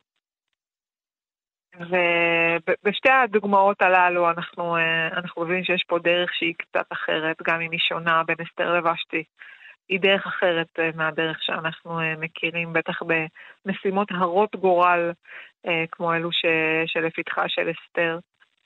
אבל הנה, היא דוגמה ומופת. אני חושבת שאין הרבה דמויות נשיות בתנ"ך שאנחנו מעמיקים בהן ו, ולומדים לאורן. אה, ואסתר היא דמות אה, שאפשר לגדול ממנה ולצמוח ממנה. את יודעת, אני תמיד משנה את ה"לך כנוס את כל היהודים". יש ציווי יותר רלוונטי לעת הזו בחברה הישראלית מאשר ציווי היחד? אה, אל מול גורם חיצוני, אל מול איום פנימי, בסוף רק האחדות שלנו היא מה שתאפשר לנו להמשיך לחיות כאן יחד במדינה הזו שאלפי שנים פיללנו והתפללנו אליה, יש דבר נוסף שאני אה, לוקחת איתי כצדה לדרך כשאני חושבת על אסתר. אני מאוד אוהבת את המשפט, ואולי הפרשנות אליו, של נשאה חן בעיני כל רואיה. בסוף שמעתי פרשנות, אני חושבת, מהרבנית ימימה, שאומרת, היא נשאה את החן של אלו שהביטו בה. זה לא היה היופי שלה, זה לא היה האור שלה.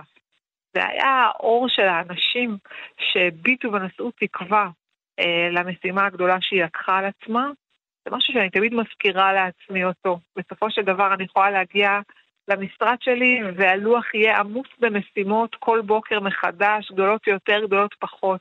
הדבר החשוב ביותר הוא האנשים, הם האנשים שמחכים לי בפתח הלשכה, בשעת בוקר מוקדמת, בשעת לילה מאוחרת כשאני יוצאת ממנה, בסוף להאיר להם פנים, לענות על שאלה, לעזור במשהו, לשמוע את הכעס ולהקשיב לו קשב רב, זה הדבר הכי חשוב אה, שלשמו יצאנו לדרך, אה, בין ים האתגרים שהם פרי היצירה שלנו, עליה דיברנו כבר קודם.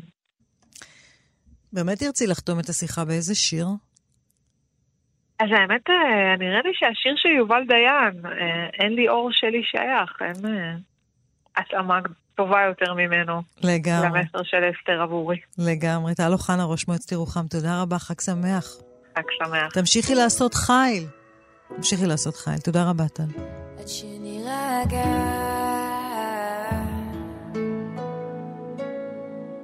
עד שהשמש תחזור להאיר פנינו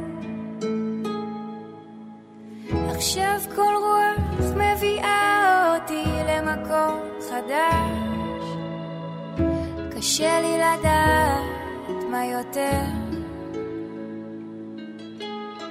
מעבר בשבילך.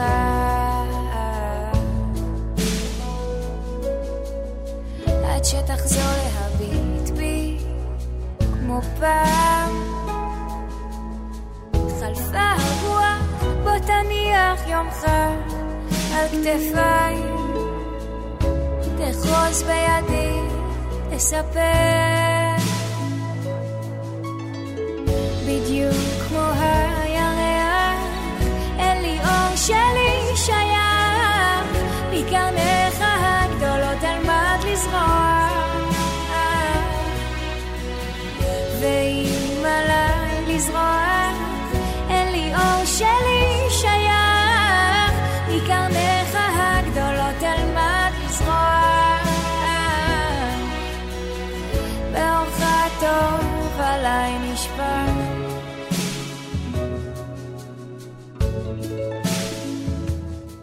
מגילת רות, פרק ב' ויען בועז ויאמר לה, הוגד הוגד לי כל אשר עשית את חמותך אחרי מות אישך.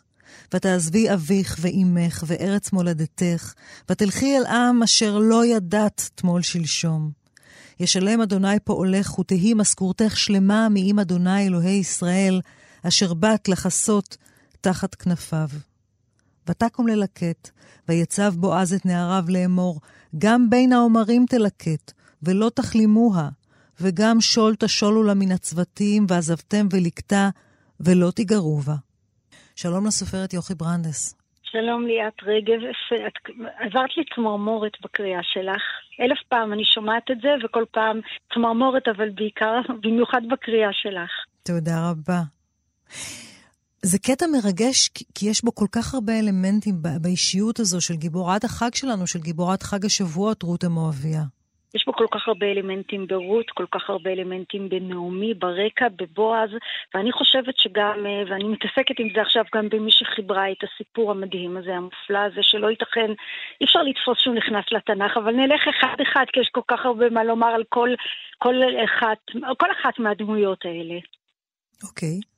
אז אה, תראי, רות ונעמי, באמת הדבר שהכי מאפיין אותן זה אחווה. אחוות נשים ש, שאנחנו לא מוצאים. עכשיו השמעתם את השיר לאה הנפלא הזה של, של, בביצוע של צביקה פיק, נדמה לי, אה, של אהוד מנור. השיר לאה כל כך מצמרר, כל כך חזק, אבל אנחנו יודעים מה יש ברקע.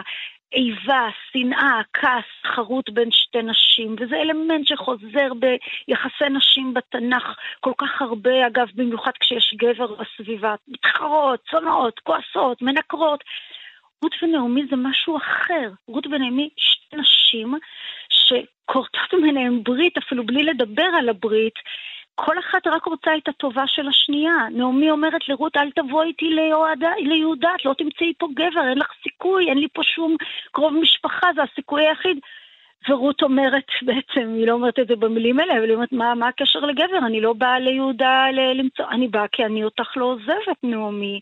ואז המשפט המרטיט שהיא אומרת לה, שבועז עכשיו מהדהד אותו, אה, עמך עמי ואלוהיך אלוהי, וזה כל כך מרטיט גם כפי שהוא, רות, כמו אברהם אבינו, הולכת לארץ אחרת, הפעם בעקבות דבקותה בחמותה, והולכת לעם אחר ולאלוהים אחר. וגם זה כל כך מצמרר ומרגש, כי אנחנו יודעים מה קורה מאז ועד היום, מאז שהסיפור נכתב ועד היום, כל הזמן יש מאבק בלתי פוסק בתוך עם ישראל, לקבל אותם, לא לקבל אותם, לפתוח את הידיים, לא לפתוח. נגיד להם לבוא, אני מתכוונת לזרים, לגרים, למי שרוצים להצטרף אלינו. כן, נעמיד להם קשיים, לא קשיים, לקבל... וזה עד היום, ומגילת רות אומרת בפשטות כי הוא כאן בועז, כי הוא מייצג את הממסד, אחר כך נראה בערב, אה, במערכה שמתרחשת יותר מאוחר. בערב במגילת רות, כן. כן, אצל, בערב הכוונה היא מאוחר יותר, זאת אומרת אה, בלילה זה, זה בלילה של בועז ורות, אולי נגיע לסצנה הזאת, ואז למחרת, אה, אחרי הערב הוא הולך לזקנים, ו, ו, ומיד בועז אומר לה, את, היא שואלת אותו, מה, אני חתיכת נוכריה עלובה, והוא אומר לה, את באת אחרי חמותך אלינו, באת לאלוהים שלנו. את הגעת לאלוהים שלנו, ואם ככה, אני, אני כמו, ש, כמו שאת באת לחסות אצל אלוהים, אני, אני אדאג לך. כלומר, אה, את באת אלינו, אז אני פורסת זרועותיי ואני אדאג לך. הוא עדיין לא מדבר על נישואים. ו... הדברים, אני רוצה להגיד עוד דבר, זה, זה כל כך חיובי כל מה שמתחולל במגילה. רות ונעמי אוהבות וד, ודבקות, וכל אחת דואגת לשנייה, ובועז מיד מתייחס יפה לרות, כל כך יפה, ואומר לה, אבל, אבל יש כאן, מאחורי, ה, מאחורי המילים היפות, אנחנו יודעים שמתרחשים גם דברים מאוד לא יפים. זה לא נאמר במפורש, אבל כשהוא אומר לה, אני אגיד לנערים, כלומר למשרתים, לא להטריד אותך, לא להציק לך, לא להחלים אותך, לא לגעת בך. לא, לתת לך, גם, לתת לך גם לקחת מהמקומות הטובים, מהתבואה הטובה. כן, אבל זה, בעיניי זה לא רק זה, זה, זה העובדה שרות היא אלמנה, היא נוכרייה, היא, היא, היא, היא ענייה. חסרת מעמד בעצם. הייתה, היא חסרת מעמד, היא שקופה. חסרת קול. היא, היא סוג של שקופה. עכשיו, אם היא הייתה מגיעה לבד לשדה, וזה מה שהיא עשתה, היא מגיעה לשדה, אם, אם הסצנה הייתה ממשיכה באופן טבעי, לא בועז נע, רואה אותה, בא אליה, ברור שהיא הייתה סובלת הצקות והטרדות ו, ודברים איומים כל הזמן. זה נאמר, בעצם זה נאמר כשהוא חוזר ואומר, אני אגיד לנערים, לא רק לתת לך, לתת לך ללקט איפה שאת רוצה, אלא הם לא ייגעו בך, הם לא יחלימו אותך, אני אגיד להם, את תעשי, את תשתי, את, תשתי ותאכלי. זה אומר שאם לא, היא הייתה יום שלם מלקטת בשדה, מי יודע, עם איזה שמש בלי, בלי אוכל, בלי שתייה. אנחנו שומעים את הדברים הפחות טובים מאחורי הקלעים, אבל זו מגילה כל כך ש... מתארת את הכל בחיוביות, אז אנחנו עלולים לחשוב שהכל באמת היה נהדר, וזה יופי, זה המגילה הטובה הזאת. אבל בכל מערכות היחסים ובכל האנשים שיש במגילה, יש את העידוד הזה מאחורה של תקשיבו, זה עולם רגיל, ויש בני אדם רגילים, ויש הצקות, ויש הטרדות, ויש כל אחד דואג לעצמו, והיא תבוא אבל לא ייתנו לה לאכול, והיא, וה, והזקנים יגידו לה עופי מפה נוכריה, אבל המגילה מתנהלת אחרת, המגילה מתקדמת אחרת, המגילה, הסיפור הזה מתנהל אחרת ואומר, אני אגיד אולי עוד דבר, וזה מה שקסם לי בשאלה שאני עוסקת בה בספר שאני כותבת כעת, ספר אה, פרוזה, אבל בסופרת שנמצאת מאחורי הקלעים, הכותבת, שאני בטוחה שהיא סופרת, כי, כי זה בעצם מה, ש, מה שהיא עושה. היא אומרת, בואו סיפור מאוד חיובי, מאוד יפה, מאוד נשי, אבל המציאות היא מציאות של בני אדם, והמציאות היא מציאות של אנשים עם יצרים, עם תשוקות, עם אה, דברים, עם, עם אגוצנטריות, ואני רוצה לספר סיפור איך האהבה של שתי נשים, כנגד כל הסיכויים, הצליחה להתגבר על הכל, על הכל. הן מגיעות הרי מהשפטות לצמרת, בעיקר רות הלכלוכית הזאת שמגיעה להיות נסיכה בסוף, מלכה, אם המלכות.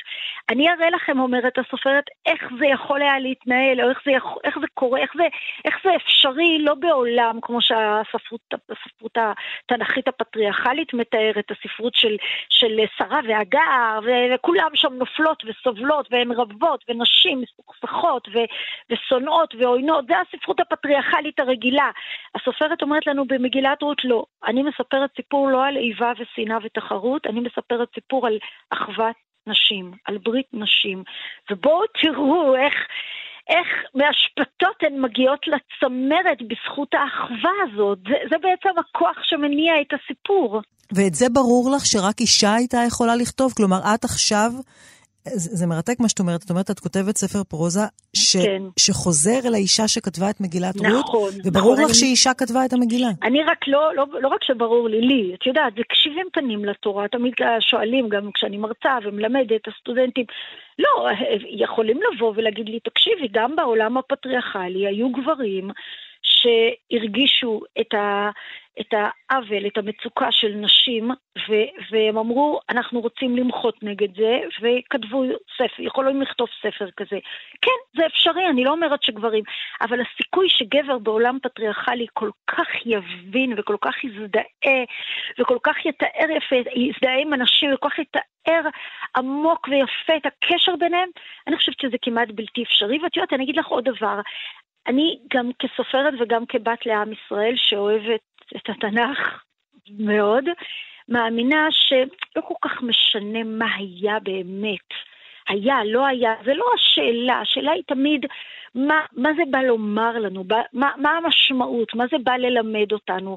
אז אני קוראת את מגילת רות עשרות שנים, כל פעם לומדת בה דברים חדשים, ואני יותר ויותר מרגישה את הסופרת שכתבה את מגילת רות, ולא רק שאני בטוחה שהיא סופרת, אני אגיד לך עוד דבר בספר שלי כשאני כותבת. אני, אני כותבת ואני עוסקת וחוקרת את זה ומגיעה לפירושים, ואז אני משוכנעת שאני קוראת את הקריאה שבאמת, אבל אני כמובן לא משוכנעת, זה רק תחושה סובייקטיבית. אני, רק, אני גם יודעת מי היא הייתה, אני יכולה לזהות אותה. אני לא אגלה, אבל אני... אה, אה, קצת? אני יודעת, אני יודעת מי הייתה וזה קשור לדמות בספר. טוב, נו, אני כן אגיד, מה אני עושה? משחקים איתך. יש לנו עוד דמות במגילה, עורפה, נכון? האישה השלישית, האישה שככה קוראים לספר שלי אגב, האישה השלישית. זאת אותה, שחזרה, זאת שלא הלכה עם נעמי. וזאת שחז"ל אומרים, קוראים לה היא הפנתה עורף, וחלק מאוד לא אוהבים אותה, וחלק מחז"ל אומרים, היא, היא סבתא סבתא של גוליית, והיא זה, והיא עשתה, והיא כאן, והיא פה, והיא שם, והנכדה של הבת של עגלון מלך מואב, כל מיני דברים מאוד מאוד שליליים עליה. ואני מזהה את הסופרת משהו שקשור לעורפה. זה לא עורפה, כי זה נכתב שנים רבות אחרי תקופת השופטים, אבל אני מזהה, אני רוצה להתעסק גם באישה השלישית הזאת, שכל כך אה, חז"ל מצד אחד אומרים שרות ועורפה היו אחיות, מצד שני הם נורא נורא כועסים ושונאים אה, שונאים את עורפה, ואני מאוד אה, לא שונאת אותה. אני יודעת שהיא דמות מורכבת, אגב, כולן מורכבות ועורפה מאוד מורכבת, אבל אני. אני, אני, חשוב לי לתאר את, ה, את הקשר של שלוש אנשים, לא רק שתי נשים, מאחורי הקלעים, גם על פי מדרשי חז"ל אני נעזרת, ו, וכן, אני חושבת שהסופרת, שאגב, עוד אני אגיד אגב אחד, הסופרת חלק מהחוקרים אומרים את זה, ואני גם הולכת בכיוון הזה. הסופרת כנראה חיה בתקופת עזרא ונחמיה. הרבה הרבה שנים אחרי תקופת השופטים, והחוקרים בעצם שואלים את עצמם גם מהצדדים הלשונים, אבל גם מהסיפור. זה סיפור שיוצא נגד גירוש הנוכריות. הנוכריות. זה בעצם ש- שזו בעצם הייתה לנו... גזרה של עזרא, כש- כשחזרו מבבל עם נשים נוכריות. בדיוק. אז עזרא כן. בעצם, כדי לשמור על העם היהודי כפי נכון, שהוא, גזר נכון. לגרש את הנשים הנוכריות. ואת אומרת נכון. שהמגילה הזו נכתבה כתשובה בעצם? כמלחמה, זאת אומרת, קודם כל אני מעריצה את עזרא ונחמיה, זה לא שאני בספרי יוצאת נגדם, אבל הם עשו דברים מדהימים וגדולים, ואנחנו בזכותם כנראה שרדנו, חז"ל ממשיכים אותם, אבל הם עשו גם שגיאות, ואני גם, גם בספרי עזרא ונחמיה אני מגלה דמויות שאולי אחראיות לשגיאות האלה יותר מ... ואחד הדברים שהוא מאוד בעייתיים שהם עשו, זה שהם אמרו לגרש את הנשים הנוכריות. אני רואה במגילת רות, הסופרת בעצם, היא לא יכולה לעמוד מול עזרא ונחמיה. הם, הם, הם שליחי המלך, יש להם כוח, הם הממסד, הם הגברים. הסופרת יוצאת נגד, נגד גזירת הגירוש, כמו הרבה. אבל מה היא תעשה? מה היא תעשה? איך היא תילחם? אז מה שהיא יכולה לעשות זה הכוח הנשי. סיפור, נשים, הכוח שלהם זה הסיפורים, הן מספרות סיפורים. אגב, רוב הסיפורים הנשיים כמעט לא שרדו, אני מוצאת בתנ"ך שרידים של הסיפורים הנשיים, אבל זה כוח. מגילת רות, הדבר המדהים הוא לא רק שהיא כל כך בועטת וחתרנית ומראה אחוות נשים, אלא היא גם עומדת נגד גירוש הנשים, ו- והיא עושה את זה, וזה נכנס לתנ"ך, סיפור כל כך נשי, זה סיפור שהגיבורות שלו הן נשים וזה סיפור שנכנס לתנ"ך, וזה סיפור שאנחנו קוראים בחג הכי, הכי קדוש אולי, של מתן תורה. איזה הצלחה יש לסופרת הזאת עם הסיפור שלה. היא, אני, גם, אני גם חושבת, שאני גם מראה בספר, שהיא לא המציאה את הסיפור הזה, היא מכירה את הסיפור הזה, היא יודעת שזה היה, היא יודעת ש, שכן, הסבתא רבא של דוד המלך הייתה מואבית, ויש לזה רמזים בתנ"ך, ויש לזה רמזים בעוד מקומות. היא יודעת, היא מכירה את הסיפור הזה, והיא כותבת אותו, וכשמגילת רות הופכת לכאן או נכנסת, עם ישראל כבר לא יכול להגיד עופו החוצה נשים נוכריות. מה שחז"ל עושים, וזה הדבר הגדול שחז"ל עושים, חז"ל ממציאים את הפטנט המדהים של גיור, שלא היה בתנ"ך, גיור. לא מגרשים את הנשים, אלא הן יכולות לבחור להתגייר. עכשיו השאלה היא אם הגיור יהיה קל או קשה, על זה הוויכוח תמיד, אבל הממסד הדתי בתקופת השופטים לפי הסופרת של רות פותח את זרועותיו ואומר לרות, את רוצה להצטרף אלינו, רות? בואי, תיכנסי, את תהיי אימא שלנו. והיא אימא שלנו. מקסים. אז חז"ל מאות שנים אחר כך אומרים, אנחנו נמצא את הדרך באמת לעשות את מה שהממסד הדתי בתקופת השופטים עשה, והם יוצרים את הפטנט הזה של גיור, שלמרבה הצער, בחלק מהקבוצות מאז ועד היום בעם ישראל זה, זה סוג של גדר, זה לא סוג של קבלה, אבל uh, בחלק אחר זה הלל הזקן, מבטא את ה... בוא, תיכנס, גר, אתה יכול להיכנס, נקבל אותך. ובית שמאי יותר מבטאים את הגישה של לא, לא, לא, אנחנו לא רוצים שיסתערו עלינו יותר מדי גויים או גויות. כן. אז נשים גדרות, והוויכוח נמשך עד היום. אבל אני רוצה אבל רגע... אבל מגילת רות משפיעה על זה, כן, וזהו. עשתה את זה. ולסיום השיחה שלנו, אני רק רוצה פה לחדד נקודה שאת אומרת, הגיבורה היא לא רק רות המואביה ונעמי ועורפה, הגיבורה היא גם האישה. הסודית שכתבה את מגילת רות והכניסה נכון. אותו לפונתיאון, גם שינתה את הנושא של הגיור, וגם הצליחה בעצם להכניס מגילה לחג, אולי באמת אחד החגים הכי חשובים, שזה חג מתן תורה, שזה הישג נשי אדיר, וזה אדיר. רעיון יפהפה. יוכי, במה תרצי לחתום את השיחה? אה, שיר? שיר? בסדר, שיר. אני רק אגיד עוד משפט אחד. כמו שאת אומרת, היא הכניסה את הגיור, היא הכניסה את אחוות הנשים, זהו, זה העניין שעוד רציתי להדגיש, אמרתי את זה, אבל הסופרת הסודית הזאת, האישה השלישית הסודית הזאת, היא הכניסה את, ה, את הרעיון של כוח הנשים, הכוח של אחוות נשים. עכשיו תראי, יש המון שירים מפיפיים על אחוות נשים וכוח נשי. אני חשבתי ללכת ל... לדברים, לדבר הרגיל, הכי הכי הכי מתבקש, דיברתי על רות, ויש שיר שלא כל כך משמיעים, הוא שיר ישן של ירדנה ארזי, שהלחינה נורית הירש, והוא יפה, והוא ישן, והוא טוב, וגם ישן זה טוב, אז אני מאוד מאוד רוצה לשמוע איתך את השיר שאני חושבת שהוא כבר עשרות שנים, כן. בואי נשמע. תודה, תודה.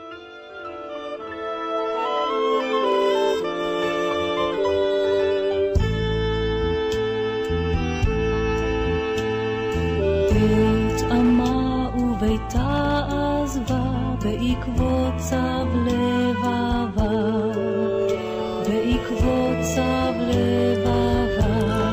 יוכי ברנדס, תודה רבה, חג שמח יקירתי. תודה רבה ליאת, חג שמח.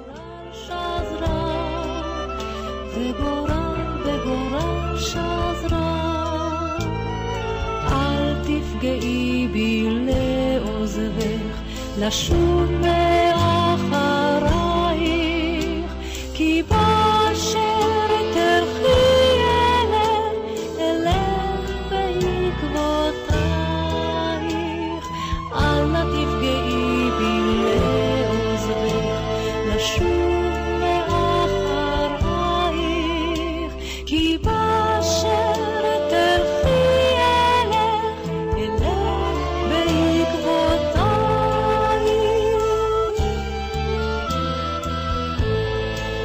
זהו, סיימנו.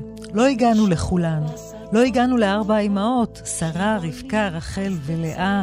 לא הגענו לתמר, לבת שבע, לאביגיל, לעוד ועוד נשים שפרוסות בין דפיו של ספר הספרים. הן יחכו לנו, אולי, לשנה הבאה. יולי דמארי אגסי ערכה את המשדר, הדס סיוון הפיקה, חיים זקן על הביצוע הטכני. אני ליאת רגב, כולנו מאחלים לכם ולכן חג שבוע צמח. תפגעי לשוב מאחרייך,